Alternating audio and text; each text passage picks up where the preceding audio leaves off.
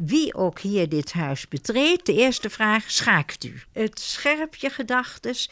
Ik heb een computer, een schaakcomputer en elke zaterdagmiddag zit ik een uur te schaken. Ik verlies altijd, maar het kan me niet schelen, want ik heb er ongelooflijk veel van geleerd. En ik vind het een soort messenslijper voor de hersens.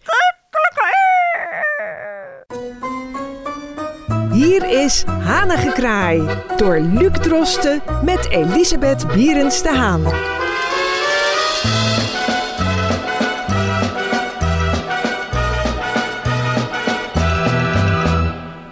Dit is Hanengekraai en wij gaan het vandaag hebben over iets dat Elisabeth Bierens de Haan eigenlijk haar hele leven al, je zou kunnen zeggen, met zich meedraagt. En dat is haar passie voor het schaakspel. Mevrouw Bierens de Haan, vorige week hebben we het gehad over uw boek. Vandaag weer iets totaal anders. We komen er steeds meer achter wat voor een uh, kant u allemaal heeft die wij nog niet uh, kennen. Onontgonnen gebied, zouden we het misschien moeten noemen. Wat heeft u met het schaakspel? Heel veel.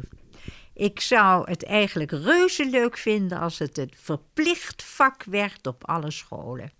Ja, ik heb het zelf vroeger gehad. Maar het probleem was dat het schaak, de schakenles altijd de Engelse les verdrong. En ik daardoor eigenlijk een hekel aan schaken heb ge gekregen. Omdat het uh, tijd van de Engelse les afsnoepte. Achteraf eigenlijk heel jammer. Uh, wat is de meerwaarde van het schaken vergeleken met andere, nou, misschien oneerbiedig om het zo te noemen, maar gezelschapsspellen? Het is geen gezelschapsspel. Het is eigenlijk heel magisch. Het komt uit Perzië. En het is heel lang geleden, ik denk 1000 na Christus, 1200. En de bedenker van het schaakspel was een genie.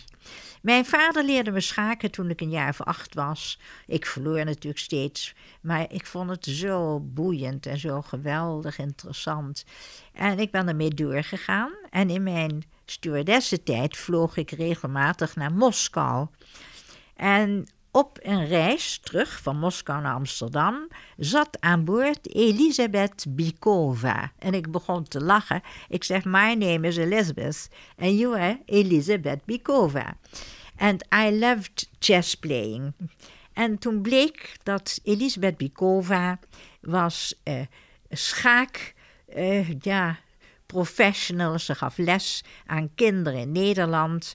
En eh, in Rusland was ze een aanzienlijke schaakster. En trad veel in de publiciteit. En toen had ik het lef, echt het lef had ik, om te vragen van... Het is rustig aan boord en is een stille vlucht. Mag ik het de eer hebben om een partij met u te schaken? Toen zei ze, I will be very pleased. We hebben geschaakt. Eén spel. En het werd remise. En toen zei ze, ze keek me aan: You play well, but you have absolutely no system. Ik schrok, ik keek eraan. I sent you books from Moskou. Wel, ik kom thuis. Ik zeg: Mama, ik heb toch zo'n grappige reis gehad. U moet opletten, er komen boeken uit Moskou. Nou, die komen heus niet hoor, met dat communistische regime. Ik zei: Die komen wel. En waarachtig, een paar dagen later, post uit Moskou. Ik zei, mama, daar zijn ze. En daar kwamen de schaakboeken. Met allemaal partijen, Karpov, Fischer, noem maar op. En dat ben ik gaan ontleden, want ik kan natuurlijk geen Russisch. Maar ik heb de partijen naar aanleiding van de plaatjes geprobeerd te spelen. En ik heb ze nog. Ik heb haar teruggeschreven natuurlijk en dank. Daar heb ik geen reactie op gehad, want ik denk dat alles wat toen uit het Westen kwam, dat was vergif. Ja, dat ging onderschept zijn. Dat is onderschept en dat weet Elisabeth ook. Mijn gedachten zijn we bij elkaar. Later, toen internet kwam, heb ik haar opgezocht en inderdaad, daar zag ik haar hele leven en uh, ze leeft niet meer. Ze was toen, toen ik vloog, was ik 22 en zij was tegen de 40. Maar het schaken uh, heeft in mijn leven een bijzondere plaats. En uh, wie ook hier dit huis betreedt, de eerste vraag: schaakt u? Ja, maar ik, ik ken niet zoveel mensen die schaken. Ik zeg, dan gaan we dadelijk, nadat we dit en dat hebben gedaan, gaan we schaken. En zo heb ik schaakvrienden en vriendinnen. En het is zo ongelooflijk. Geen één spel is hetzelfde.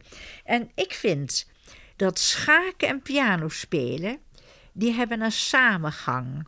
Het zou kunnen zijn dat de hersens, de afdeling in de hersenpan van de mens, dat die afdeling van de muziek en het schaken, die hebben een samenloop. Dat is aan elkaar geparenteerd. En ik, eigenlijk vind ik dit, dat de logica in het schaken, de logica in uh, snel dingen doorzien. Het scherpt je hersens. Ik zou het ook als een verplicht iets zien in alle bejaardenhuizen om dementie proberen te voorkomen. En uh, Alzheimer, dus als mensen beginnen met vergeetachtigheid, verplicht middags een uur schaken. En het scherpt je gedachtes. Ik heb een computer, een schaakcomputer, en elke zaterdagmiddag zit ik een uur te schaken. Ik moet zeggen, ik verlies altijd. Het is een Russisch spel.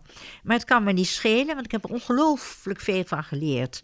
En ik vind het een soort messenslijper voor de hersens. Je hersens worden geslepen omdat je breed moet denken, goed moet nadenken. Impulsief moet je niet zijn. Je moet niet te lang nadenken. Je hebt een klok, die tik je dan in. Anders zit je na drie dagen nog te schaken. En eh, ik vind het eigenlijk een eh, ondergeschoven kindje. Op scholen heeft men hem wel als een soort extra, hè, een schaakles. Ik vind dat dit verplicht moet worden op alle scholen. Een uur in de week op zijn minst schaken. En dan zou je zien dat het leervermogen van de kinderen met sprongen vooruit gaat. Dat de kinderen uh, meer, uh, ik zou zeggen, niet op zichzelf gericht, maar naar buiten gericht. Want je moet breed denken, breed zetten doen. Het is een ongelooflijk bedacht spel. Ik ben echt helemaal. Uh, het is geen spelletje. Iemand zegt wel eens, oh wat een leuk spelletje. Is, het is geen spelletje, het is een grandioos hersenspel. Ga het eerst maar eens goed doen en dan spreken we elkaar later. En dan spreken we elkaar later en dan hoor je, het is een spel. Het schaakspel is een spel. En wat voor spel? Heeft u een favoriete zet? Je hoort soms van mensen die een favoriete schaakzet ja, hebben. die heb ik. Herdersmat. Wat is dat? In twee zetten de koningmat zetten. En voor de totale leken, waaronder ik zelf, kunt u kort toelichten hoe dat in zijn werk gaat?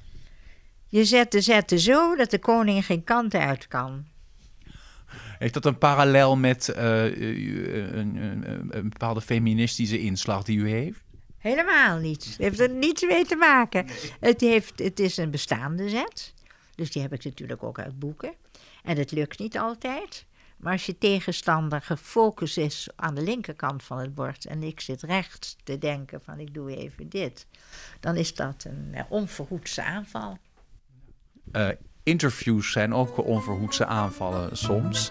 Al uh, kijk ik nu alweer uit naar onze volgende gesprek volgende week. En dan pikken wij weer een heel ander onderwerp op. En ik spreek u graag dan weer. Nou, ik had me aanbevolen. Tot dan. Tot dan, Luc. Wilt u reageren? Mail naar hanigekraai.amsterdammefm.nl en uw bericht komt terecht bij mevrouw Berends de Haan.